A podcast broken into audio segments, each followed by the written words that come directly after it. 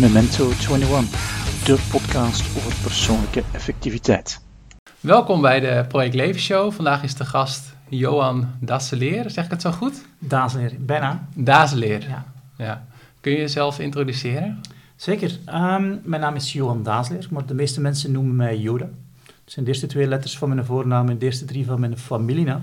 Dus Yoda met een H, toch? Ja, Yoda met een H, niet Master Yoda, maar ik heb iets wel met Star Wars. En ehm, ik heb een bedrijf Extra Tijd en wij doen allerlei zaken rond persoonlijke efficiëntie. Ja. Voor kenniswerkers. Voor kenniswerkers. Ja. We leren dus niet de bakker om efficiënter brood te bakken, maar we leren uh, mensen die met een hele hoop informatie op een bord leggen op een efficiëntere manier om te gaan. Ja, ja. Nou, dat vind ik zeker wel interessant. Daar gaan we het zo wel verder over hebben. Okay, leuk. Heb jij iets met de term uh, peak performance? Um, op zich niet. Omdat ik zo merk, peak performance, ik, ik, ik wil niet pieken, ik wil uh, constant zijn. En uh, ik ben ook geen sporter. Dus ik, ik, ik, wil beter worden, maar ik heb niks met peak performance. Maar ik, ik wil wel dingen erover weten, omdat er wel een aantal technieken zijn die je kunt gebruiken om uh, je niveau te verbeteren. Ja. Dus op enerzijds, de term vind ik niet goed. Uh, ik vind optimalisatie, complete optimalisatie, beter dan peak performance. Um, maar ik, ik ga alles met uh, de term peak performance wel in de gaten. Ja, ja. Nou, ik heb natuurlijk in de podcast veel uh, mm -hmm. meer sporters gehad die daar ook inderdaad een andere, ja. andere associatie uh, mee hebben. -huh. Als jij, wat, wat, wat doe jij in je leven om dat constante niveau te bereiken? Ja, ik weet niet of ik een constant niveau heb, maar een van de dingen die ik uh, structureel doe, is uh, allerlei experimenten. Daarom dat ik mezelf ook een experiment noem. Ik doe twee, drie experimenten tegelijkertijd om ofwel beter met mijn tijd om te gaan, beter met mijn energie om te gaan, of beter met mijn aandacht om te gaan. Ja. En nu? We nemen deze podcast op uh, in eind januari. Ja. De, het experiment deze, die deze week loopt, is um, elk uur denk ik aan drie mensen die ik uh, evenveel overvloed toewens. Twee uh, die ik uh, ja, goed gekend zijn en één die ik lang geleden niet gezien heb. Dus ik heb um, een timer ingesteld die me dus elk uur waarschuwt. ik heb al gemerkt dat een aantal mensen die ik lang niet gezien heb, dat ik een aantal er ook gebeld heb om nog eens af te spreken. Dus dat is wel een goede oefening. Ja, ja ik wou zeggen, want dat is natuurlijk stap 1, is dat je eraan herinnerd wordt. Ja. En in dit experiment zit niet dat je daar actie op hoeft te ondernemen, maar... Nee, maar ik merk wel dat ik het al gedaan heb. Dat ik denk van, oh, dat is inderdaad lang geleden dat ik die uh, gehoord of gezien heb. Oh, ik ga bellen. Ja? Uh, ja. En wat, wat heeft dat opgeleverd? Ja, een paar interessante gesprekken al. Ja. Ja. ja. En dat is één experiment wat je nu loopt? Het is één experiment die ik gehaald heb uit um, ja, de boek die we alle twee kennen, Titans van uh, Tim Ferriss. Um, uh, ik ben die een boek aan het lezen, hoofdstuk per hoofdstuk, en ik probeer er een aantal experimenten uit te halen die ik denk van, eh, die ga ik op het lijstje zetten om ook te doen. Ja. Zo'n experimenten die niet veel tijd kosten om te doen, of sommige die wel veel tijd kosten om te doen, maar dat je misschien beter moet voorbereiden. Maar dit was zo'n no-brainer van, dit kun je doen zonder dat het energie kost. Ja. Uh, het enige dat je moet doen is een beetje organiseren dat je een trigger krijgt. Uh, voilà. Ja. Ja. Oh, dat vind ik wel interessant. Misschien ga ik dat ook een keer doen. Want ik kan me inderdaad ook wel voorstellen dat het heel veel betekent voor je, ja. voor je dankbaarheid. En, uh, ja. ja, in ieder geval evenveel voor de dankbaarheid en om um, ja, mensen uh, het beste te wensen. Ja. Ja. Ja, ja wel, dat, uh, dat hebben we wel in, in overeenkomst Mhm. met experimenten. En Ja. ik kan me wel herinneren dat jij ook wel een van de eerste mensen bij, was bij wie ik die term experiments tegenkwam. En dat Ah, vond ik wel heel Ja. aardig bedacht. Ja. Ja. Ik weet niet waar ik het... Uh, waarschijnlijk heb ik het van iemand geleend, hè. Ik bedenk heel weinig dingen zelf. ik, leen, ik leen heel veel en soms ik er wel een eigen saus over. Maar er is weinig dingen die je opnieuw kunt uitvinden. Hè. Ja, ja, ja dat is ook zo. Ja, eh, als je eh, allerlei zaken vindt rond, rond voedsel, het is eeuwenoud. Hè. Ja, Het is eh, misschien met technologie beter bewezen, maar de meeste dingen zijn al eens uitgevonden. ja, Daarom dat ze ook zeggen dat research is opnieuw zoeken. En research is opnieuw zoeken. Ja. ja, ja. Ja, een experiment waar ik op dit moment mee Mhm. bezig ben, is ook van hoe kan ik beter leren. En dat, heeft, dat lijkt misschien een beetje gek. Alleen ik kwam er ook achter van het experiment doen op zich is natuurlijk wel leuk. Mhm. Maar dat eh, heeft ook het risico dat het op een gegeven moment een soort van gimmick wordt. Ja. En eigenlijk was ook wel bij, bij mij de basisgedachte en volgens mij bij jou ook van... Ja, wat leer je eruit en wat kun je daar dan vervolgens mee doen om ja, dat constante niveau waar je in het begin van het gesprek over had, Ja. om dat omhoog te krijgen. Ja, Eh, voor mij is de insteek van een experiment misschien iets anders. Ehm, ik merk zelf dat er zit zo'n eh, ja, een paradox tussen de dingen constant houden en toch verbeteren. En ik merk dat experimenten voor mij zijn zo onbewust ja, toestemming geven om de dingen anders te doen. Want anders zou ik de dingen altijd op dezelfde manier doen, want dat is veilig, dat is gemakkelijk. Dat is heel Eh, menselijk ook. ja, menselijk. Dat kost ook niet zoveel energie, want zij het gewoon. Het is bewust experimenten inbouwen om buiten die comfortzone te gaan. Maar mij gaat dan over toestemming om dingen anders te mogen doen. Ja, Ik volg nogal graag de, de lijntjes. Ehm, en er is dan, ja, nu ga ik andere lijntjes zetten, maar ik ga het heel bewust doen. ja, Voor een beperkte tijd. ja. En, en ook onze podcast nu is een experiment, want we, we gaan beiden dezelfde podcast eh, openbaar maken. Dus eh, Peter, als iemand u tegenkomt eh, hoe, en vraagt wat doe je dan, hoe omschrijft dat dan zelf? Ja, ehm, ik zeg altijd van ik ben blogger, biohacker, menselijk proefkonijn. En sinds kort voeg ik daar ook podcaster en vlogger aan toe. Oké, ja. En eh, bij mij is de, ehm, ehm, als je het hebt over lijntjes, mijn lijntje is eigenlijk 30 dagen. Dus ik doe meestal Mhm. een experiment voor 30 dagen. En dan Ja. op de blog eh, projectleven.nl schrijf ik van tevoren wat mijn verwachtingen zijn. Ja. En dan doe ik mijn experiment en na afloop schrijf ik van eh, wat Mhm. ik ervan heb geleerd. Ja. En dat heeft zich eigenlijk wel in de loop van de tijd wel verbreed. Dus eh, begonnen vanuit meer eh, de quantified self. Ja. Dus we hadden in het al voorgesprek Mhm. al uitvoerig over jouw Aura-ring. Van hoe je daar stappen en slapen mee kan Ja. meten. En op een gegeven moment kwam ik in aanraking ehm, met, eh, met biohacking, waar wij ook een beetje contact hebben Ja. gelegd hè, bij de summit in Helsinki. Omdat ik ook dacht van, het heeft ook wel deels met comfortzone te maken, maar ik dacht van, ja, wat, hoe werk ik zelf? En ik ben ook wel benieuwd naar nieuwe technologie en ik, ja, ik ben ook wel redelijk gestructureerd en dan die periode van 30 dagen, die experimenten, geeft mij echt de mogelijkheid om eh, ja, ook uit Anders te komen, doen. anders Ja, te doen. ja. Een soort van permissie inderdaad. Ja. Ehm, ja. ja, mijn aanleiding voor biohacking is er vanuit iets anders gekomen. Ik leer mensen van zich beter te organiseren. En ze zeggen dan altijd van, ja, ik snap dat wel, je kunt iets op een lijstje zetten, maar als je niet doet wat er op je lijstje staat, hoe kun je dat dan verbeteren? En dat, ik moest dat zelf ook wel herkennen, van, ja, ik dat ook wel, hè, het is niet omdat je een goed lijstje hebt, dat je doet wat er op je lijstje staat. En dan was ik aan het nadenken van, wat is nu de bottleneck? Want ja, als ik al goede lijstjes heb, dan zijn mijn lijstjes niet meer de bottleneck. Wat is nu de bottleneck? En voor mij heeft het allemaal te maken met fysische en mentale energie. Ja, en dan is de lijn naar biohacking heel kort. En dan op een of andere manier valt dat allemaal samen. Ja, Hoe kan ik het systeem Yoda eh, optimaliseren, zodanig dat ik eh, ja, beter kan doen wat ik me voorgenomen heb? ja. En weet, je- weet je het moment nog dat je met die term in aanraking kwam? Of eh, was het meer gewoon iets wat... Ja, ik, ik weet niet hoe dat ik in aanraking gekomen. Ik denk dat ik... Nee, ik weet niet hoe dat ik erna... Misschien om iets te lezen uit Quantified Self. Want in Quantified Self ben ik ook al eh, een tijd mee bezig geweest. Ehm, vanuit... Ja, als je gedrag wilt veranderen, is het goed om te meten.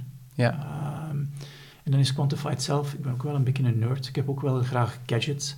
Eh, dan is dat wel een fijn, fijn domein om in te zijn. Ehm, en ik denk van daaruit ben ik met biohacking in contact gekomen. Nu denk ik van, ja, het gaat gewoon over hacken van mijn omgeving. En als dat lijf van mij nu mijn omgeving is, ja, dan zit dat er gewoon in. ja, ja. En waar ik wel benieuwd naar ben, want eh, extra tijd is een... eh, ja, waar je nu mee bezig bent. En ik zie, zoals jij het beschrijft, biohacking eigenlijk als een extra laag wat daarbij komt. Ja. En hoe, zat, zat, hoe, zat, ja, hoe zag jouw leven daarvoor eh, voor extra tijd eruit? Wat, Ah, Ik heb heel lang voor een, een retailer in België gewerkt, voor Colruyt. Uh, daar heb ik een paar dingen gedaan. Werkvereenvoudiging, processen gaan bekijken en optimaliseren. ook echt in de supermarkt of In ook de op het hoofdkantoor? Ja. Ehm, dus via het hoofdkantoor naar de supermarkt te gaan, maar ook in logistiek, eh, ook in de softwareafdeling. Ehm, en daar heb ik ook leiding gegeven in, aan een supermarkt, maar twee ook aan de werkvereenvoudigers zelf. En het laatste deel van mijn carrière bij uh, Colruyt heb ik gewerkt als verantwoordelijke voor opleiding en vorming. Um, en extra tijd is werkelijk een verderzetting van ja, het gaan optimaliseren van processen, maar dan niet meer van fysieke processen, maar ja, van andere processen. ja. Uh, van denkprocessen, van organisatieprocessen, voor, maar dan voor een individu, in plaats van om ervoor te zorgen dat de logistieke flow uh, optimaal is. Ja. ja. En een aantal principes die ik gebruikte voor processen te optimaliseren, die gebruik ik nu om mezelf te optimaliseren. Een voorbeeld is uh, push en pull. Uh, dat is zo'n techniek die je kunt gebruiken om, om stromen te optimaliseren. Je kunt het ook voor jezelf doen. Als je door iets gepusht wordt, ja, dan zit jij niet baas. Maar als je kunt pullen, dan zit jij baas. En het voorbeeld dat ik altijd gebruik is opnemen van een serie. Als je kijkt wanneer dat het uitgezonden wordt, zit in een push-mode. Maar als je gaat kijken wanneer dat u uitkomt, als je het opgenomen hebt, zit in een pull-mode. En dan weet als ik in pull-mode zit, dan ben ik de baas. Wil ik die reclame niet zien, dan spoel ik die gewoon door. En veel mensen merk ik zitten in een push-mode, waar dat zij niet de baas zijn. En ja, dan doen ze allerlei dingen onbewust, twintig keer op een uur hun, hun telefoon checken. Ja, dan zeg jij niet baas, dan is dat toestel de baas. Um, en daar denk ik dat als je, in ieder geval voor mij, als je kunt zorgen dat je meer energie hebt, kun je ook meer bewust met je handelingen bezig zijn. En van daaruit is mijn interesse naar biohacking gekomen. Ja, ja, ja, ja grappig. Wel eh, natuurlijk wel her en der wat gelijkenissen, maar ook wel een, een ander, uh, ander startpunt, een ander vertrekpunt. Ja, absoluut. Ja. En welke, want je geeft, uh, vertelde je in het voorgesprek iets van drie trainingen, drie of vier trainingen, workshops per, Ja. per maand. Wat is de... Nee, nee, dat doen we presentaties, maar workshops doen we er een tiental per maand. Oh, tiental, Ja, ja. ja. En wat is de vraag die, eh, die jij en je, en je trainers het meeste krijgen? Ah, dat is mijn heel dwazen is, leer ons eens nee zeggen. Ja, hallo mannen, eh, het gaat hier over eh, hoe gaan we ons organiseren. Maar mensen zeggen, ja, op een of andere manier, als je te weinig energie hebt, zeg je veel gemakkelijk ja. En dat heeft allemaal te maken, denk ik, met hoe dat ons brein in elkaar zit. Ja, en als je weet hoe dat je brein in elkaar zit, kun je het ook hacken. Eh, Dus ja, het, heeft, het heeft weer te maken met hacken. Ja, met proces kennen. En als je het proces kent, kun je ook de kortere weg vinden. Kun je de hefboom vinden om, om, om dat beter te doen. ja, ja, precies. Ja. En ehm, ehm, waar ik nog wel benieuwd naar ben, en dat is misschien de one million dollar question, want ik weet zelf ook wel dat het goed is om eh, twee keer per dag mijn mail te checken Mhm. en niet zo vaak op mijn Ja. telefoon te zitten, maar ja, ik betrap mezelf er zo vaak op dat ik het toch doe. Ja, en dat is dan van, oké, als je dat wilt veranderen, hoe kun je dan bewuster worden hoe dikwijls dat je het gaat doen? De term, het is ook niet van mij, eh, track what you hack. Wil je dat minder gaan doen, dan moet je ook gaan zorgen dat je daar meetwaarden over hebt. Zodat je er iets kunt van leren. Eh, ik vind zo'n goede uitspraak, track what you hack. Ja, Je moet niet alle, alle cijfertjes eh, opvolgen, maar degene die je wilt verbeteren, dat moet je opvolgen. Dat kan niet zonder cijfers. Ja. Mijn idee. Als Ja. je dat efficiënt wilt hebben. ja. ja doe me ook wel denken aan, een, eh, aan het boek van Peter Drucker. Mhm. Ehm, ik heb bedrijfskunde gestudeerd en dan kwam die ook terug. En die, volgens mij is van hem ook de uitspraak: eh, What get measured gets done. Ja. Dus inderdaad, daar. Ja, absoluut. Ja. Ja. Daar, is, daar is ook niks nieuw onder de zon. Hè. nee. De verpakking is soms anders, maar er is weinig nieuwe dingen onder de zon. Ja. En wat gebruik jij dan om, eh, wat adviseer jij dan kenniswerkers om eh, te, eh, heb je bepaalde apps en software die je gebruikt om Ja, dat is voor mij de, de, de tools. Ik ben niet zo iemand die gaat zeggen van je moet die een tool of die een tool gebruiken. Wat ik, ehm, ik zeg, je resultaat is afhankelijk van drie factoren. Dat is één van je motivatie, van je kundigheid en dan van de tools die je gebruikt. En dat is zo motivatie, kundigheid en toestemming. En onze principe is gebaseerd van ons beperkte middelen als individu zijn onze tijd, onze, energie, onze aandacht en ons centen. En in het Engels klinkt dat heel goed, dat is time, energy, attention en money. En als ik een tool zoek die te moeilijk is voor mij om vol te houden, dan noem ik die niet elegant. Eh, En ik ga zoeken naar een elega- elegante tool die mij toelaat om zo weinig mogelijk tijd en energie te steken in een tool, maar die me wel het resultaat geeft wat ik zou willen hebben. En dat kan voor iedereen verschillend zijn. Ik maak graag mijn lijstjes in Outlook, nu. Maar dat had mij niet vijf jaar geleden in Outlook moeten doorwerken, want ik had Outlook naar je hoofd gesmeten. ja. Eh, Ik werkte toen op papier. Ja, Dus de tool, ik, ik, ik zeg van, zolang dat je niet de goede tool gevonden hebt voor u, gaat je tijd en energie kosten om het vol te houden. En dat hebben we beperkt, dan laat het los. ja, Het is dus een zoektocht naar de methode. Hoe kan ik die toepassen in mijn tool? ja, ja, Ik ga niet elke week een andere tool kiezen. Ik moet ook een leercurve door. ja, Op een bepaald moment heb je ja, uw tool gevonden. En bij mij is dat nu Outlook. Ik maak lijstjes in Outlook. Uh, en ik heb Outlook zodanig omgevormd dat ik me kan focussen op mijn acties in plaats van op mijn mails. ja. Um, ja. Nou, doen we, doen we twee dingen komen bij me op. Van neiging die ik nogal heb, is om wel heel erg te focussen op de tool. Van als Mhm. ik mijn tool goed heb ingericht, dan Ja. is dat een soort van eh, eh, eh, ja, virtuele realiteit voor mij. En als het daar goed is geregeld, dan heb ik een soort van illusie dat het in de werkelijkheid ook goed geregeld is. Oké, ja. En het tweede waar ik aan moet denken is van, en dan grijp ik even terug op die experimenten die we Mhm. allebei hebben gedaan.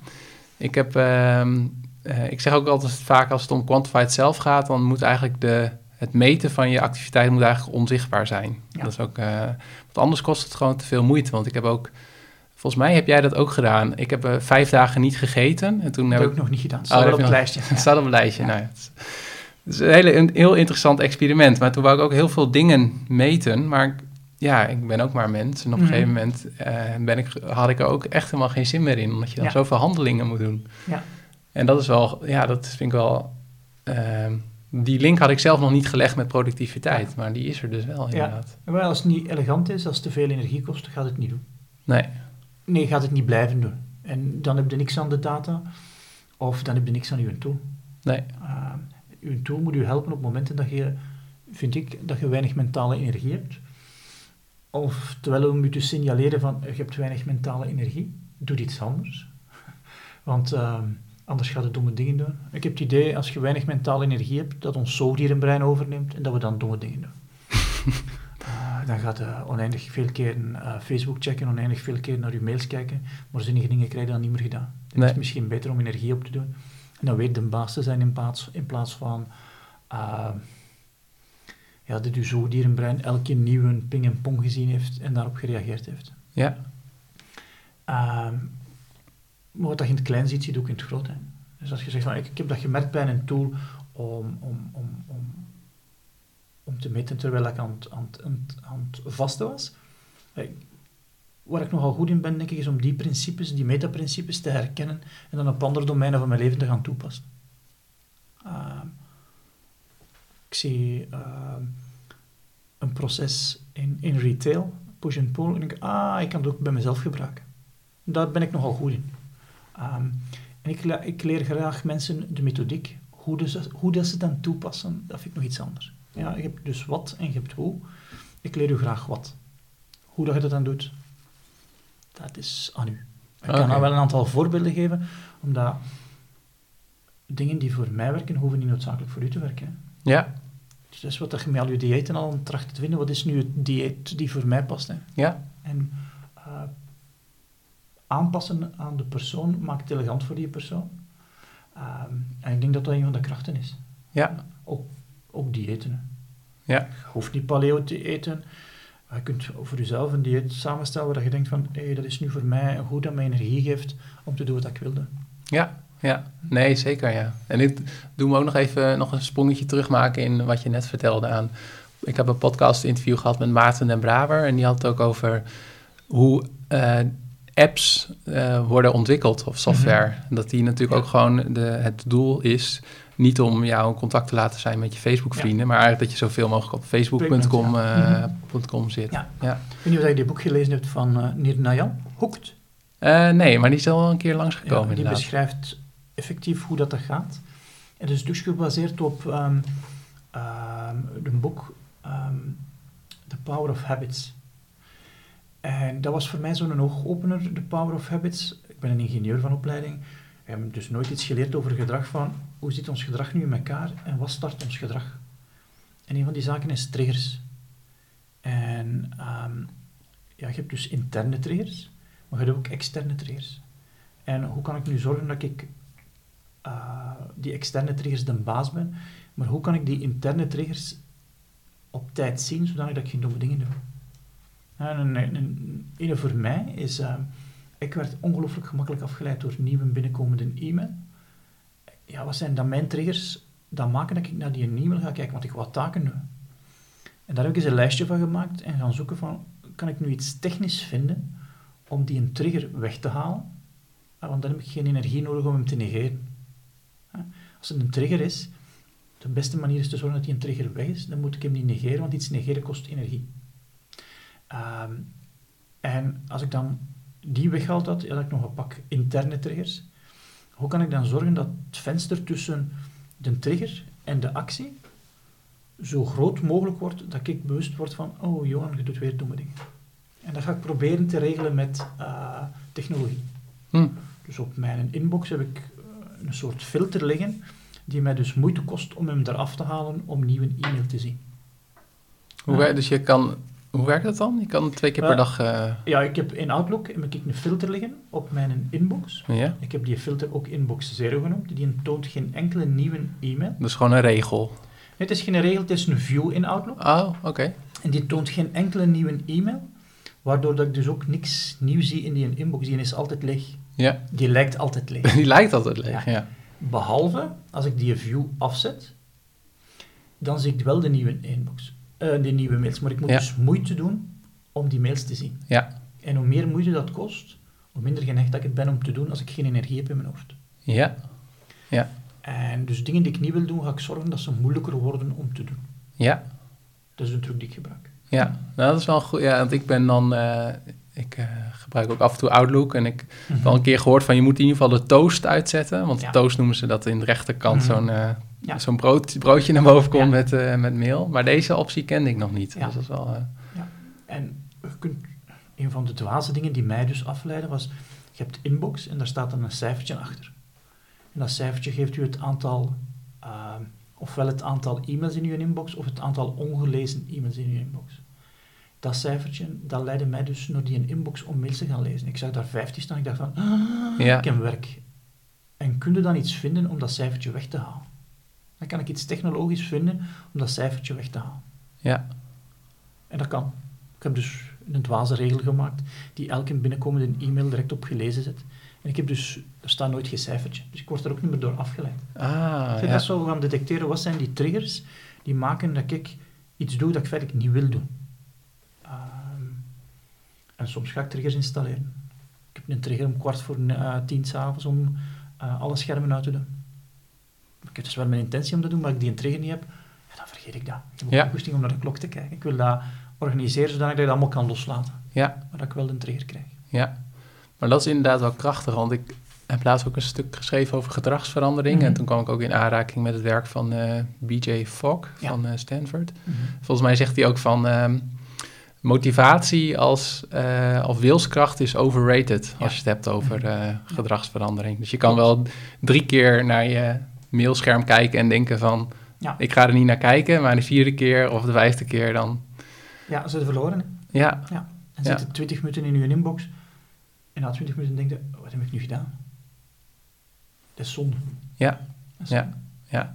Ja, als we het toch over tools hebben, ik ben zelf ook wel fan van... Um, uh, misschien ken je dat wel, Strict Workflow. Dus dat is zo'n uh, Google Chrome plugin. En dan kun je gedurende zoveel minuten kun je ook niet bij Facebook en zo terecht. Ja. En dat is precies wat jij zegt. Dus ja. gewoon, ja, ik, ik kan er wel omheen als ik wil. Ja, incognito scherm en zo. Ja. Maar dat kost dan zoveel wilskracht dat ik denk, nou laat ook maar. En ja. uh, ik ga wel weer terug in productief werken. Ja, en dat is in mijn idee dat, dat zoogdierenbrein die instant gratification wil. En dat we dus kunnen zorgen als we meer energie hebben, dat we er kunnen aan weerstaan. Maar ook, we kunnen het ook moeilijker maken voor dat zoogdierenbrein om dingen te doen die we niet willen. Ja. En dat lijkt dan alsof we onszelf in de keurslijf steken. Waar ik dan zelf nog wel wat moeite mee heb, maar ik wil heel veel vrijheid. Maar ja, dingen doen onbewust, terwijl je ze niet wil doen, klinkt ook niet als vrijheid. Hè? Nee, nee. En um, wat ik me nog wel afvraag, Johan, is van... Um, ik word hier heel enthousiast van. En, maar volgens mij ben, heb ik ook wel een beetje dezelfde achtergrond als jij. Zijn er ook, um, ja, er zijn ook mensen die op een andere manier, ja, andere persoonlijkheden, andere karakters hebben. Die, uh, krijg je daar wel eens tegenwerpingen op? Bijvoorbeeld van over de vrijheid, wat je net vertelde? Eh, werkt het voor sommige mensen beter dan voor anderen? Of is dat lastig om te Ehm, zeggen? Daar heb ik geen onderzoek naar gedaan voor wie dat beter werkt. Maar ik denk dat we allemaal in basis dat, datzelfde, datzelfde zoogdierenbrein hebben in die neocortex. En dat dat een principe is die voor iedereen geldt. Als je te weinig energie hebt, is dat zoogdierenbrein eh, de baas en doen we dwaze dingen. Ehm, en ik denk, ik probeer mensen te leren dat ze met hun brein moeten meewerken in plaats van tegen hun brein. En ons brein heeft graag overzicht, dus geeft dat het overzicht ook. Ah, en soms doe, probeer ik mensen ook een andere bril op te zetten. En ik snap dat heel goed. Hè. Lijstjes en vrijheid, dat klinkt niet alsof dat hetzelfde is. Maar ik merk dat hoe meer grenzen dat ik in mijn leven zet, hoe meer vrijheid ik heb. En ik weet, het is een rare paradox. Dat merk ik gewoon. Ja, Ah, en hoe dat ik het nu me- meestal vertaal is, een deel van mijn tijd wil ik heel gestructureerd werken en heel rigide om het andere deel van mijn tijd zo vrij mogelijk te kunnen zijn. ja, Het een gaat niet zonder het ander, want ik heb het al geprobeerd van compleet ongestructureerd te werken.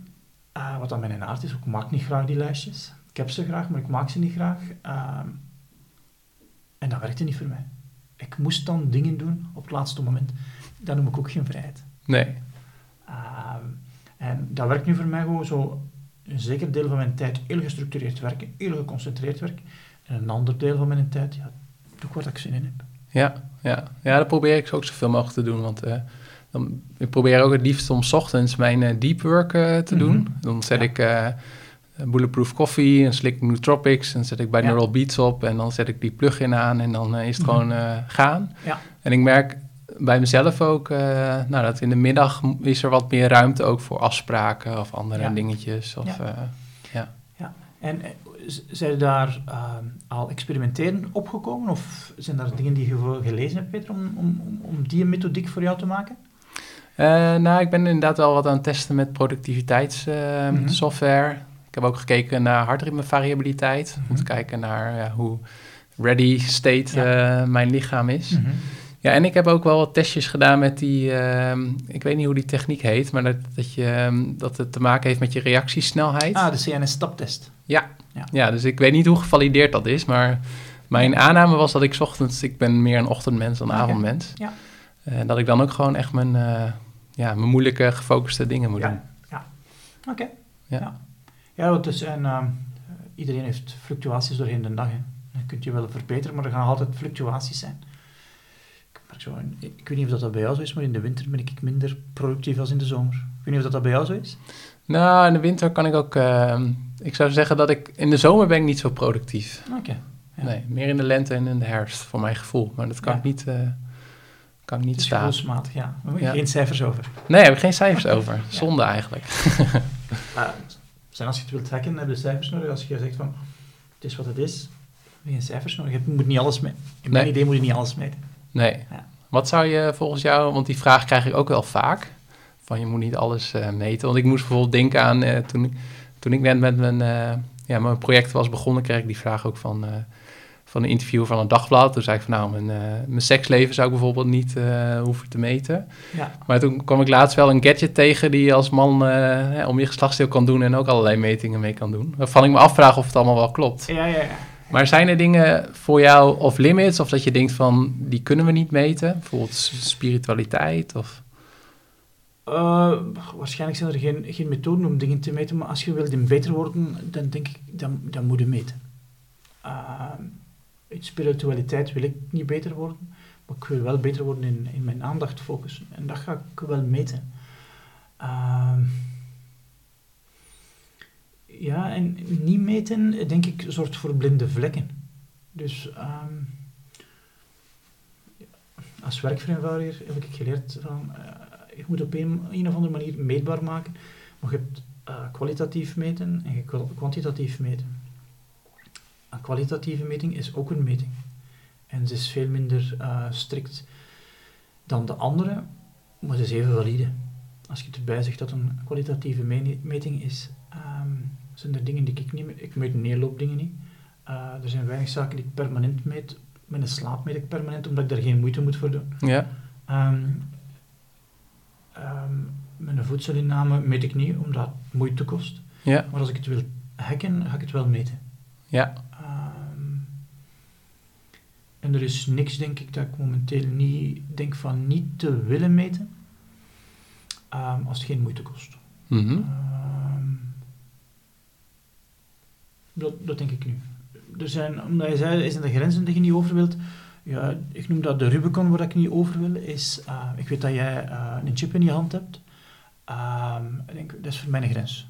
Daar wil ik nog niet over. Nee. Ehm, Hoewel dat, dat wel raar is en dat eerder gevoelsmatig is, hè, omdat... eh, ik heb een paar tattoos, het is ook verandering aan je lichaam. Hè. Er zit ergens... eh, Zit een raar dra- draai dat ik daar gezien... Dat is momenteel de grens.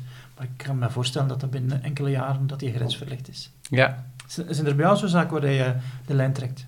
Nou ja, ik moest wel over een grens heen als je het hebt over, ehm, over die chip in mijn hand. Mhm.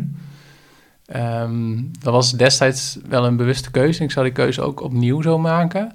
Omdat ik... ehm, biohacking is wel een heel breed begrip. Hè? Het wordt ook wel voor een heleboel... wordt de laatste tijd naar mijn idee ook wel op veel zaken geplakt. Al dan niet helemaal terecht. Of nou ja, Ja. het is ook een beetje een nieuw, nieuwe term natuurlijk.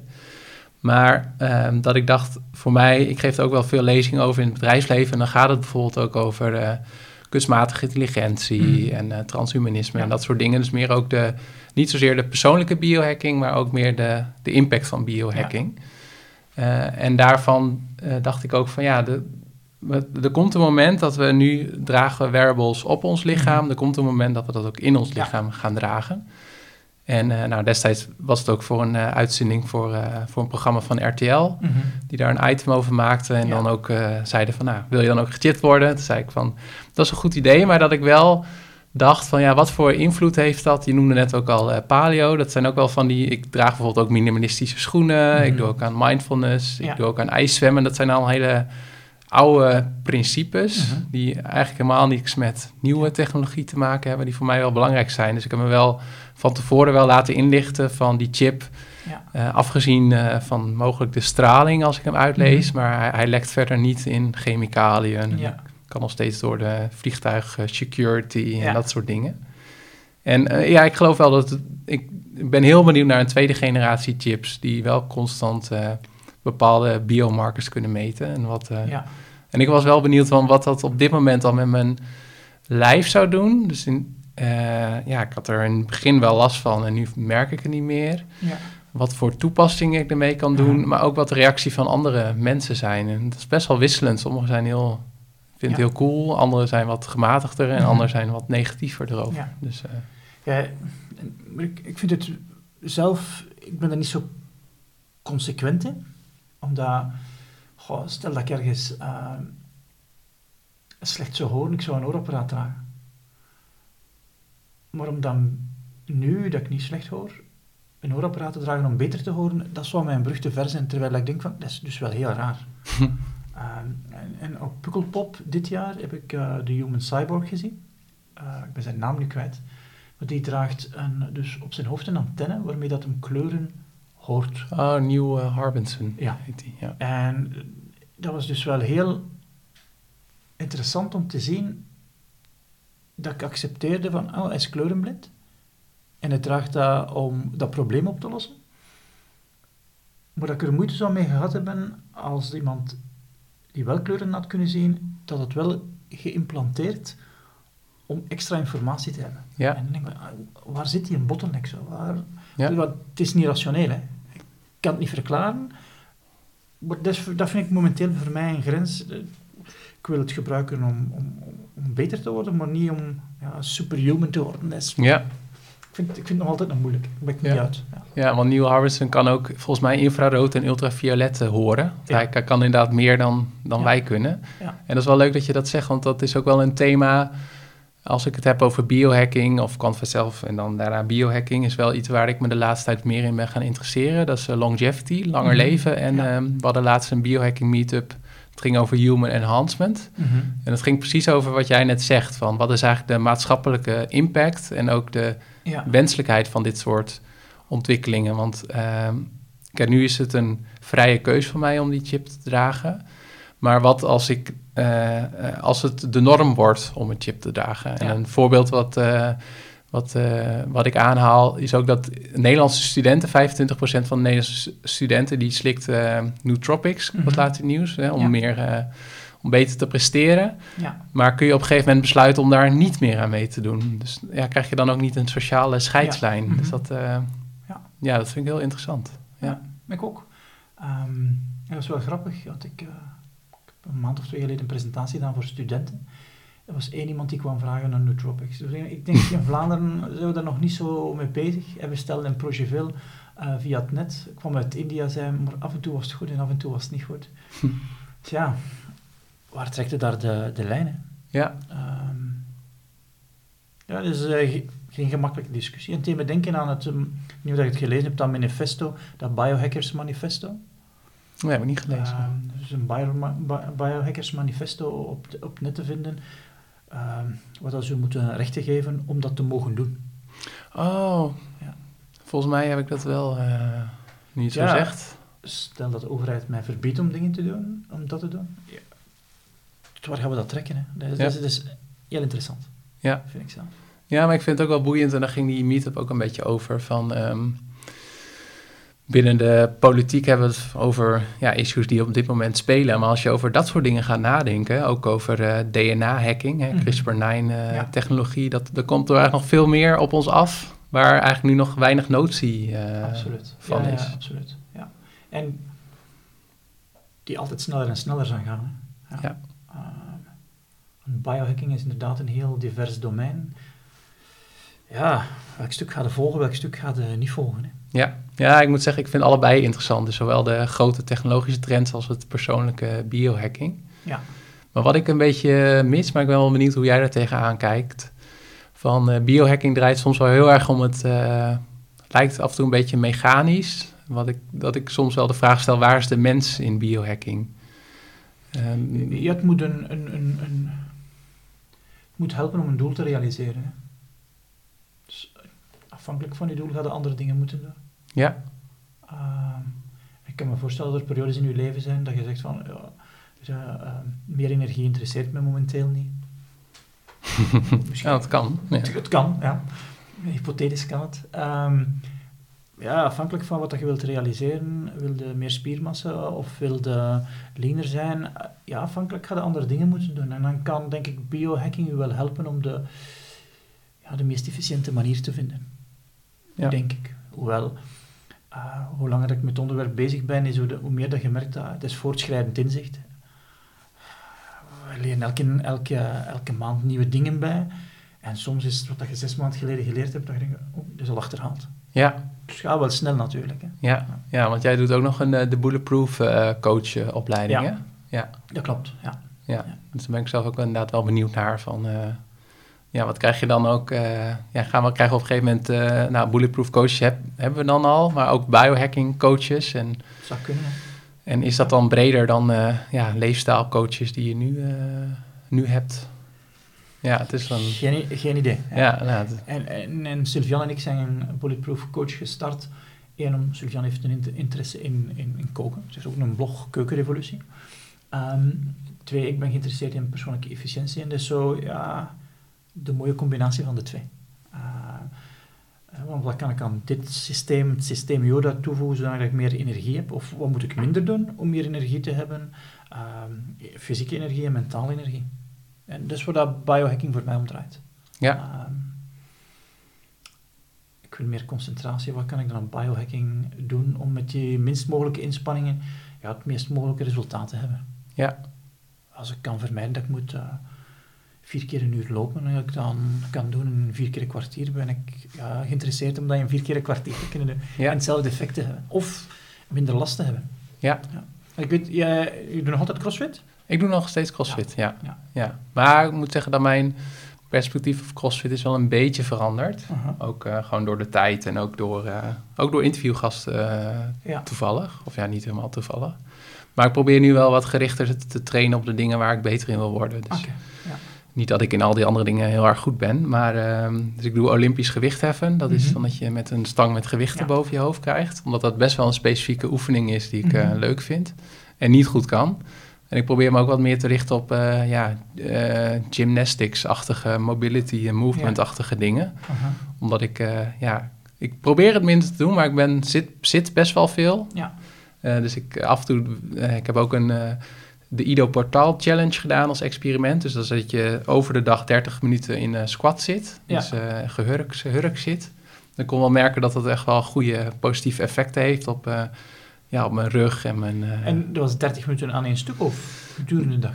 uh, gedurende de dag, ja. Je mag het opbouwen. Dus wat ik vaak deed is dan uh, tijdens het tandenpoetsen, s ochtends en s avonds, dan heb je al twee keer twee minuten. Ja.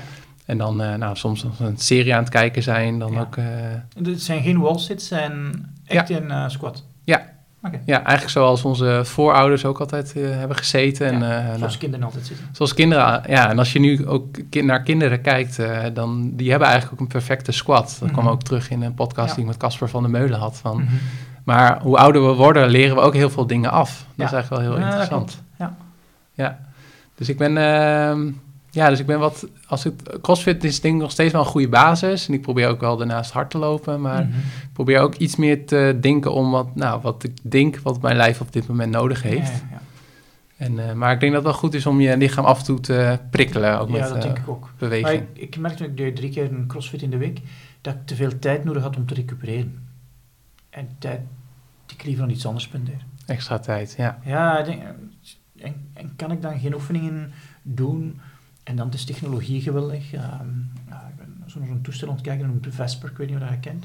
Mm, Vesper is een toestel die met koude en compressie werkt Oh. om uh, ja, minder recuperatietijd nodig te hebben. Het is schrikkelijk duur, maar dat zal waarschijnlijk wel, goedkoop- waarschijnlijk wel goedkoper worden. Ja. We- daar is wat technologie mij heel hard interesseert, om die een tijd die je nodig hebt te verminderen, zodat je andere dingen kunt doen. Ja, Ja. ja. Dus uh, zowel je zou de trainingstijd korter kunnen maken, maar ook de hersteltijd eigenlijk korter kunnen maken, zeg je. Ja. Ja. Ja. En dus die hersteltijd, denk ik, die, als je die kunt korter maken, ja, die is het anders kwijt. Hè. Ja. Ja.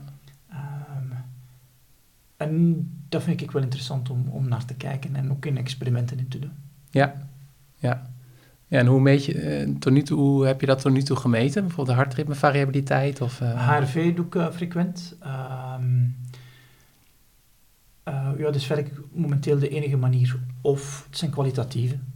Uh, maar daar ben ik soms te lui voor om dat consequent te doen. Ja, ja. nee, ik doe zelf wel altijd wel consequent dat ik een uh, dagboekje bij me heb en mm -hmm. daar dingen in opschrijf. Ja. En dat ik merk dat dat in ieder geval voor het verhaal op mijn blog ook wel vaak nog de, de, me, de leukste dingen Ja. zijn in plaats van de, de Ja. cijfers. Ja.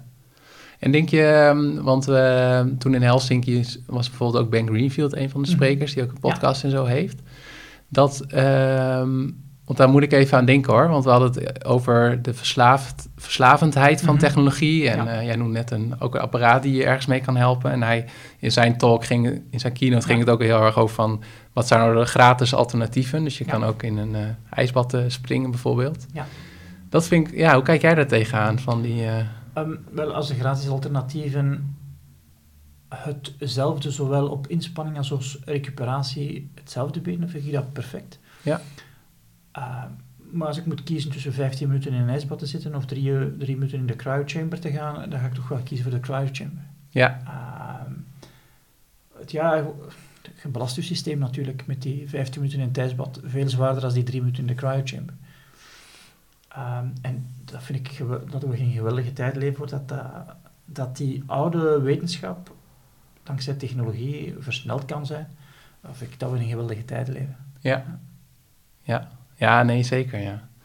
En op het gebied van zelf meer energie hebben en iemand komt bij jou en die zegt van... Uh, Johan, wat moet, ik, uh, wat moet ik doen om meer energie te hebben? Heb je kant-en-klare tips?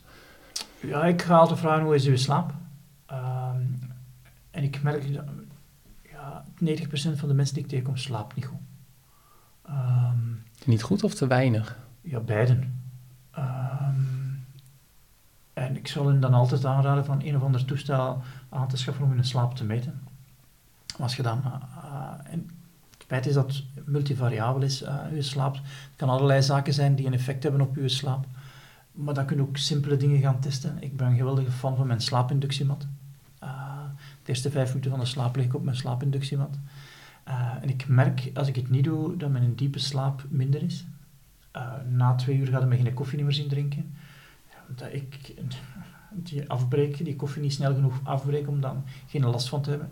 En elke keer als ik me laat verleiden om toch nog koffie te drinken na twee uur, dan merk ik het aan mijn meetwaarde. ja, dat, is, dat, is, Ja. dat is echt gek. En die inductiemat, is dat eh, op basis van eh, kou of is dat aardingsmat? Nee, het is, het is, een, het is een, een, een mat met allemaal kleine naaldjes.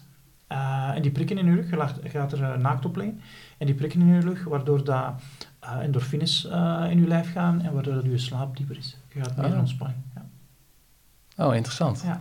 Dan moet ik nog... eh, ja, en de temperatuur staat ook wel op mijn lijstje om te doen. De chilipad, eh Ja. die staat op mijn lijstje om aan te kopen. Ik kan niet alles tegelijkertijd aankopen natuurlijk. Nee, nee, nee, nee. Het is wat dat betreft, eh, Dave zegt dat toch altijd, dat hij, eh, weet ik veel, honderdduizenden dollars ja, heeft. 300.000 eh, dollar, maar het ja. zal waarschijnlijk ook wel een marketing gimmick zijn. ja, dat denk ik ook wel. Of dat hij zegt van, eh, als het dan om supplementen en nootropisch gaat, dat hij zegt van, dat zijn doel is om de duurste plas ter wereld te hebben of zo. Ja. Vind ik toch wel een verkeerde toestelling. ja, ja.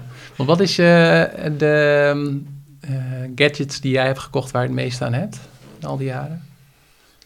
Ik heb al een paar gadgets versleten over slaap. Ehm, de, de gadgets om ehm, ehm, stappen te tellen.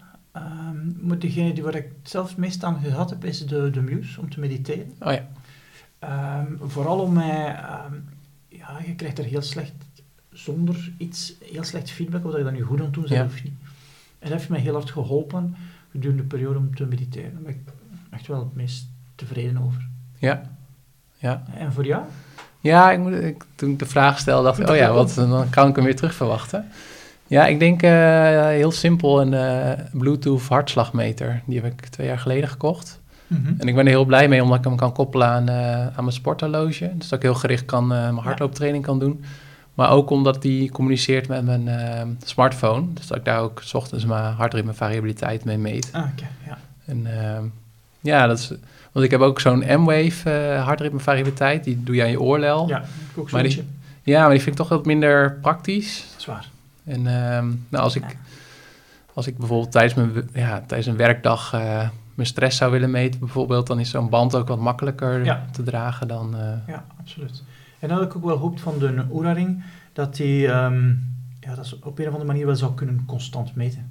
Eh zou kunnen zeggen, oh, ik heb een meeting gehad en ik zie het aan mijn ARV dat het niet oké was. Ehm, en dat, is- dat zou ik wel schitterend vinden, dat je dan je agenda naast je metingen kunt leggen en daar iets kunt van leren. ja, Ehm, of dat je een waarschuwing krijgt van, oh, dit klopt niet. ja, Ik, eh, ik weet niet wie dat ik hoorde vertellen op zijn, eh, op zijn podcast dat eh, zijn meetings met zijn managementteam altijd starten met vijf minuten ARV doen.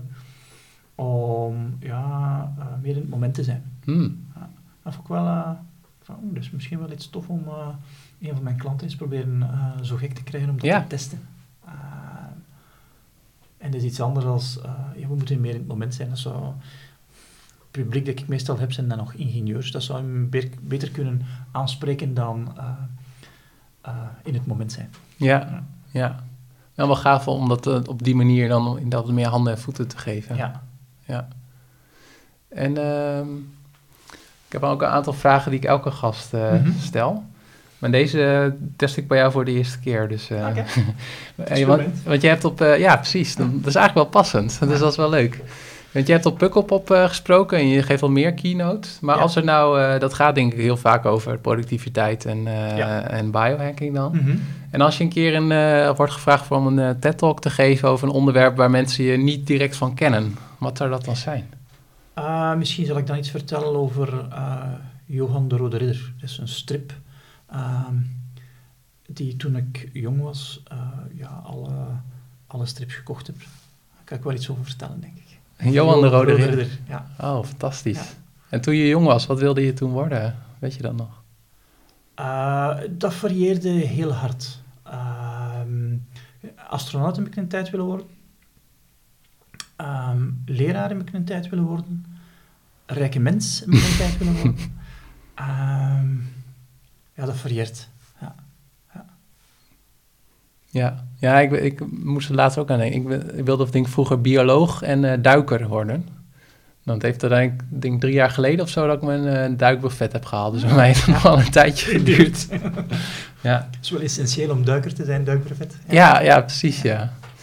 En uh, nou, je, je, bent best wel uh, gestructureerd en methodologisch. Geldt dat ook voor je ochtend als je wakker wordt? Hoe zien je een eerste 60 minuten eruit? Ja, die zijn uh, redelijk gestructureerd. Um, dus ik sta op, ik ga plassen. Hm. Dan uh, denk ik een glas water met ofwel wat zout in ofwel wat appelsieder. Dan maak ik mijn bulletproof koffie. En tijdens het maken van de koffie doe ik meestal twee oefeningen. repetitie van 10 ofwel wat squats ofwel wat kettlebells. Uh, dan drink ik mijn eerste koffie en ga ik uh, mijn ochtendjournal schrijven. Dus nu doe ik de 5-minute journal die ik doe. En dan lees ik altijd, uh, ik weet niet of je dat boek kent, 366 dagen uh, Daily Stoic van Ryan Holiday.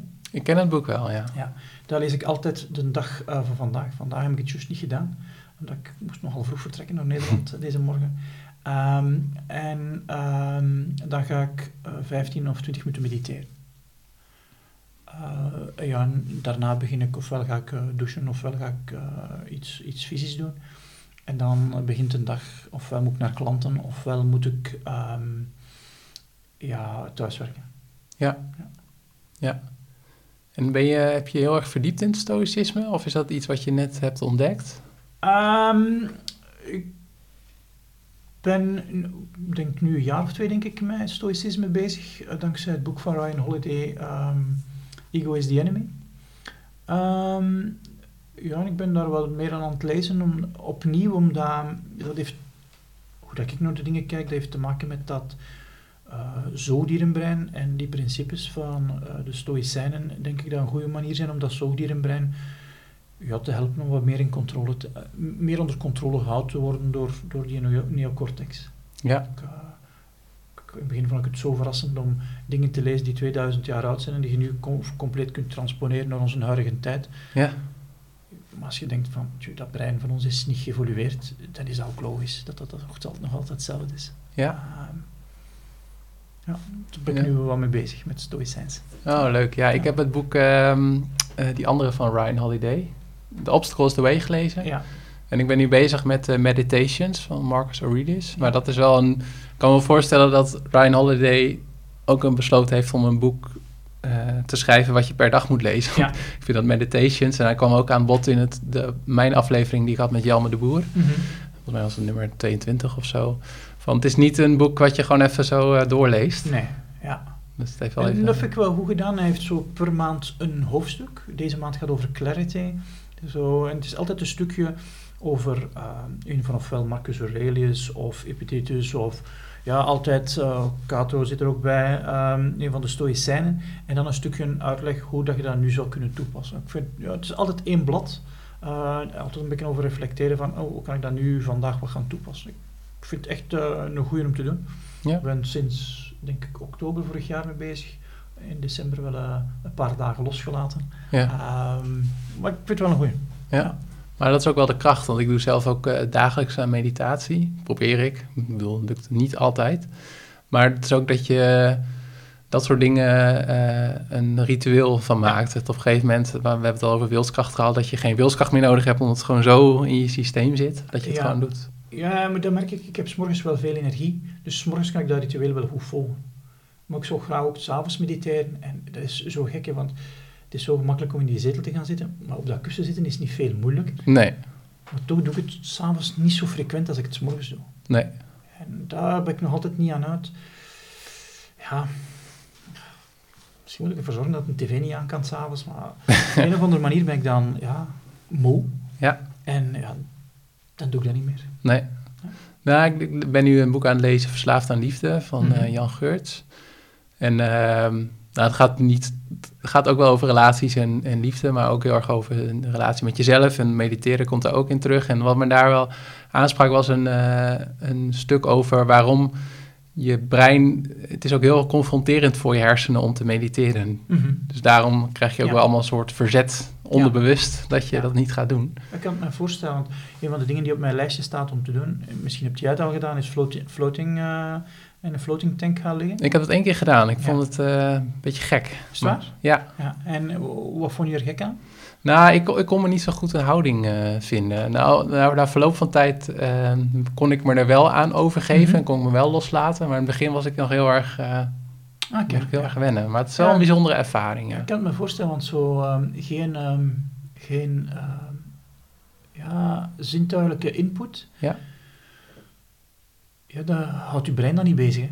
Moet je brein zich met iets anders bezighouden en dan, waar gaat je brein dan zich mee bezighouden? Hè? Ja. Ja. Ja.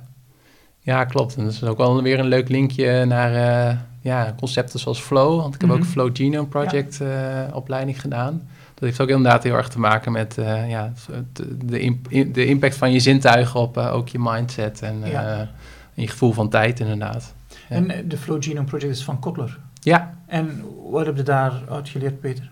Ehm, nou ik had eerst ook dat boek gelezen, The Rise Mhm. of Superman. Ja, En vervolgens ik- fantastisch boek. Hè? Ja, ja, een fantastisch boek inderdaad. En de Flow Genome Project brengt dat nog meer in de praktijk. Dus het is wel een online opleiding waarin je Mhm. dan ook bepaalde oefeningen moet doen en ook heel erg eh, ja, moet reflecteren van eh, ja, wat is het laatste moment dat je gevoel van tijd verloor? Of wat, is, eh, wat zijn situaties Ja. waarin je je aan de ene kant uitgedaagd voelde, maar aan de andere kant dacht dat het wel Mhm. een stretch was, maar niet te ver. Ja. En ook een stuk over eh, binaural beats. Want flow is ook weer gerelateerd aan bepaalde hersengolven. En dan kun je dan ook weer stimuleren door Ja. bepaalde neurotransmitters, supplementen of ook natuurlijke dingen die je kan slikken of innemen. En ook van ja, wat kun je aan de buitenkant doen om dat Mhm. eh, te stimuleren. Dus het was wel een eh, ja, verdieping van het, eh, van het boek. Ja. En het, ja, het lukt me ene soms beter dan andere keren om het toe te passen. Maar er zitten wel heel veel raakvlakken eigenlijk met, met, waar, met productiviteit en Ja. focus. Dus Mhm. zij zeggen ook van flow ontstaat... Sommige, dat had ik van tevoren, dat ik dacht van... Ja, ja, flow is iets magisch. Je bent ineens in flow en dan, Ja. ben je erin, en dan heb je in één keer heel veel focus. Ja. Maar het is eigenlijk andersom. Eh, dat is voor mij echt een eye-opener van... Je moet geen afleiding hebben. Mhm. Al die bergbeklimmers die in flow zijn, die hebben ook, ja, die zijn met één ding bezig. Ja. En die hebben ook eh, Je high. niet permitteren om iets anders bezig te Precies, zijn. ja. Dus je moet ook zorgen dat je high stakes hebt. Dus Mhm. ook als je flow eh, ja, flow wil bereiken, moet het ook spannend zijn. En je moet Ja. geen afleiding hebben. En het moet ook, eh, ja, moet een stretch zijn, uit, een beetje Mhm. uit de comfortzone, Ja. al die dingen. Ehm, ja, dat was wel voor mij een van de eye-openers. Dus volgens mij Oké. is dat. eh, Ja. Ik hoorde, ehm, ik denk bij Joe Rogan, Steven Kotler, vertellen dat hij heel lang gesukkeld had met eh, de effecten van Lyme disease. Dat toch wel vier, vijf jaar geduurd had, dat hem zelfs niet meer, niet meer wist wat dat het groen licht betekende. Oh, jeetje. Ja. Dus hoe gek dat, dat ja, het systeem er kan voor zorgen dat je brein niet meer gaat werken. Hè. Ja. Dat vind ik ongelooflijk. Ja, maar toch wel, eh, vind ik binnen de hele biohacking scene wel interessant. Van, dat er ook wel veel mensen zijn die juist een, een krasje hebben, of, eh, Mhm. zoals hij, en Ja. dat dan weer hebben omgezet in een kracht. En eh, Ja, dat vind ik wel ontzettend boeiend. absoluut. Ja. Ja. En is Joe Rogan ook een van je favoriete podcasts op dit moment? Ehm, ja, Joe Rogan is zeker een van de favorieten ehm, wanneer dat hem niet spreekt over ehm, MMA. Eh, dat is niet waar ik mee bezig ben. Ik kan dat ook niet volgen. Ehm, en dan om twee uur te luisteren naar Joe eh, over MMA, dat vind ik nu eh, een brug te ver. Want de podcasts van Joe Rogan zijn altijd twee uur, twee uur en half. Ja, Ehm, het liefst zou ik die altijd in één stuk beluisteren, maar het is meestal wel moeilijk. Maar Joe is zeker een, en ik weet ook nog wel een eh, stand-up comedian. Ehm, is er zeker een van de favorieten momenteel, ja. ja. Ja. Heb jij een specifieke favorieten in eh, podcastland? ja, ik probeer altijd, eh, ik luister heel graag naar Tim Ferriss en ik Ja. hou van zijn stijl en ik probeer dat zelf ook een beetje Ja. toe, te, toe te passen door mensen, door heel, ja, ik ben er van nature ook wel gewoon heel geïnteresseerd naar het verhaal achter en wat nou Mhm. echt eh, Ja.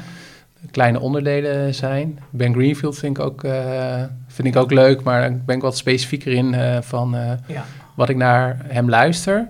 En ik probeer de laatste tijd ook wat minder te luisteren en proberen wat meer te laten landen en toe te passen. Ja. Want het is wel, net als tv kijken, is bij mij podcast luisteren soms ook wel gewoon een consumptieding. Ja, ja, ja. En ik ben ooit begonnen met podcast luisteren om er echt wat van op te steken en dingen mee te doen. Ja. Dus ehm, ja. En, en, en buiten de biohacking sfeer, want je noemde daar uh, uh, binnen de biohacking sfeer nog wel luisteren van podcast buiten de biohacking sfeer? Ja, ik luister graag naar, um, um, hoe heette die jongens nou? Nou, een hele specifieke CrossFit uh, podcast. Oké. Okay. Vind ik leuk. Um, en ik luister graag naar, ja, in Nederland heb je NOS Langs de Lijn, dat is een sportnapraatprogramma, mm -hmm. die luister ik ook wel graag. Ja. En um, Pieter Diamandis, die heeft Exponential Wisdom. Ja. En dat gaat dan meer over waar we het ook over hebben gehad. Dingen Mhm. zoals drones en Ja. eh, 3D-printen. En eh, Ja. ja. dat vind ik ook... eh, Hij doet dat samen met Dan Sullivan, hè? ja, Ja. ja. Ja. ja, dat vind ik wel bijzonder. Want die man is ergens in de 70, volgens mij, die Ja. dansen er. Maar die, ja, die stond toch zo bij de pinken en die Ja, praat die, zo mee over nieuwe technologie. absoluut. En, ja. Zijn eigen podcast vind ik ook wel mooi. Uh, Ten Times. Vind ik ook een mooie podcast van, uh, van Dan Sullivan. Ja. Ah, oké, ja. En Tony Robbins luister ook af en toe. Maar dat probeer ik een beetje eh, ook... Soms vind ik het een beetje too much. Maar af en toe heeft hij wel interessante eh, Ja. gasten. Dat gaat meer over persoonlijke ontwikkeling. Ik vond zijn, uh, zijn documentaire op uh, Netflix wel mooi. Ja. Ja. Ja, die, was, uh, die was wel gaaf, ja. Ja, en Sylvia en ik gaan, denk ik in april, naar Londen uh, vier dagen uh, Tony Robbins doen. Dat is wel intensief, hè? Dat is echt van uh, 9 Ja. s ochtends tot 10 s avonds of zo. Ja, absoluut. Ja, vier dagen zo. Ja. Zie wat er gebeurt, hè. Ja. ja, wat gaaf. Heb je ook andere, als je in die zetel zit waar je net over had, toch andere favoriete series of films? Of, uh... ja, ik kan zo gemakkelijk beginnen binge-watchen op Netflix. Dat is echt wel een plaag. Um, favoriet? Um, ja, als, als het over ontspanning gaat, heb ik graag nogal... Uh, ik vind het wel raar dat ik dan niet naar MMA kan luisteren, maar graag nogal een actieserie. Um, maar momenteel schiet er geen één in mijn hoofd. Um, schiet er geen één in mijn hoofd dat ik denk van, hey, dat is uh, waar ik naar uitkijk. Waar ik naar uitgekeken heb was uh, De Designated Survivor uh, met Kiefer Sutherland. Uh, en 24 vond ik vroeger ook een schitterende serie. Oh ja. Sutherland. Dus ik heb dus wel uh, een beetje een zwak voor uh, dingen waar Kiefer Sutherland in meespeelt. Oh ja, dat is de, de Ja. rode draad, ja. Ja. Ja, ja nee, ik heb gisteren nog naar... ehm, ik vond pa Pablo Escobar, of Pablo... Ik weet Ja. niet hoe die heet, die serie. Die vond ik echt fantastisch. En Ja. Breaking Bad vond ik heel tof. Daar heb ik nog nooit naar gekeken. Nee? Nee. Houdt het ietsje tegen? Of, eh, Ik, ik weet niet wat er me tegen had. Ja. Sons of Energy vond ik geweldig goed. Ehm, maar Breaking Bad nooit aan begonnen. Dexter ook nooit aan begonnen, terwijl sommige mensen er reliant enthousiast over zijn. Ja, ik vond Dexter vond ik ook tof, maar het laatste seizoen vond ik wat minder. Ja. En gisteren had ik eh, een eh, documentaire over Lance Armstrong Mhm. gezien. En dat vond ik ook wel fascinerend. Eh, Ja. die, het, het hele... eh, eh, er werd op een gegeven moment ook gezegd dat het, wat hij heeft gedaan, dat het, veel, dat het helemaal niet om... Dat het juist ging om macht. Het was Mhm. heel erg een machtding, wat, eh, hoe hij opereerde binnen peloton. En, eh, Ja. En niet zozeer dat het om doping, een verhaal over doping was. Dus dat Ja. vond ik wel eh, gaaf. ja, het is een circus waar je ja, als buitenstaander niet alles van weet. Hè. Nee. Ja. Zo'n Nee. hè. Ja. Ja, ook een soort van biohacking, hè, de EPO. Absoluut, ja, absoluut. Ja. Dan is het goed om bijvoorbeeld uh, wat dat het leger doet in de gaten te houden. Hè. Ja. Die hebben er altijd baat bij van uh, ja, peak performance te hebben. Hè. Ja. Ja. ja, zeker. En ik weet wel dat ze aan het testen zijn ook met uh, DCS, Transcranial Direct Current Mhm. Stimulation. Dus in, Ja. we hebben het over de Muse gehad, hè, die meet je hersengolven, maar kan je ook dingen doen om het te beïnvloeden en daardoor Ja. dat je als een scherpschutter uh, ja, beter raak kan schieten, ik noem maar wat. Ja, een slechte ervaring mee. Ik heb um, ooit zo'n toestelletje gekocht waarmee dat je uh, een kleine stroom door je brein kon... Uh, ik had dat slecht opgezet. Ja? Hier uh, aan mijn hoofd zo'n hele plek verbrand. Terwijl ik het niet door had, ik voelde wel iets. Ja. Maar ik dacht, wat is dat hier nu? En dan uh, Sylvian zei, wat heb jij nu gedaan? Hoe heb ik nu gedaan? Helemaal, uh, helemaal op mijn hoofd verbrand. Een Ja. klein stukje verbrand van een draad die niet goed uh, aanhouden op mijn hoofd zat. Dat is wel gevaarlijk. Ja. ja. En uh, favoriete boeken? Dat wisselt heel erg wat ik op dat moment aan het lezen ben. Um, ik ben nu uh, met een boek van Timothy Ferris bezig, Titans. Vind ik een fantastisch boek om in te bladeren en daar een stuk te lezen, daar een stuk te lezen. Um, all-time favorite denk ik dat... Um, goh, Niet Getting Things Done? Nee, ik vind Getting Things Done echt een uh, saai boek. Uh, goede content, maar een saai boek. Ik heb nog geen enkel goed boek gelezen over time management. Het is saai. het is zo'n saai onderwerp. Ja, waarschijnlijk. um, uh, waar ik nu, een boek waar ik nu veel aan heb is Thanks for the Feedback. Dus van hoe kun je beter worden in feedback te ontvangen, in plaats van, um, meestal wordt u geleerd om beter feedback te geven. Dit is een boek dat u leert om beter feedback te ontvangen. En was, is dat een persoonlijk uh, ontwikkelpunt? Ja, absoluut. ja, uh, maar alle producten die we met extra tijd doen, zijn er vanuit een persoonlijke, persoonlijk probleem gekomen. Ja, ja, maar dat is wel dan de beste manier, denk ik. Ja, ja absoluut. Ja. Ik maak niet graag lijstjes. Ik maak een goede, goede lijst, maar ik maak dat niet graag. Die mailbox had ik niet onder controle, mijn informatie had ik niet over, onder controle ik denk dat ik nu toch wel wat weet hoe dat ik mijn gedrag moet aanpassen. Dus dat zijn al, ik probeer elke keer mijn eigen uh, bottleneck op te lossen. Ja. En dan die oplossing te verkopen aan ons klant. Ja, dus de volgende keer is uh, beter feedback ontvangen. En, dat zou wel kunnen. Ja. Dat zou wel kunnen. Ja.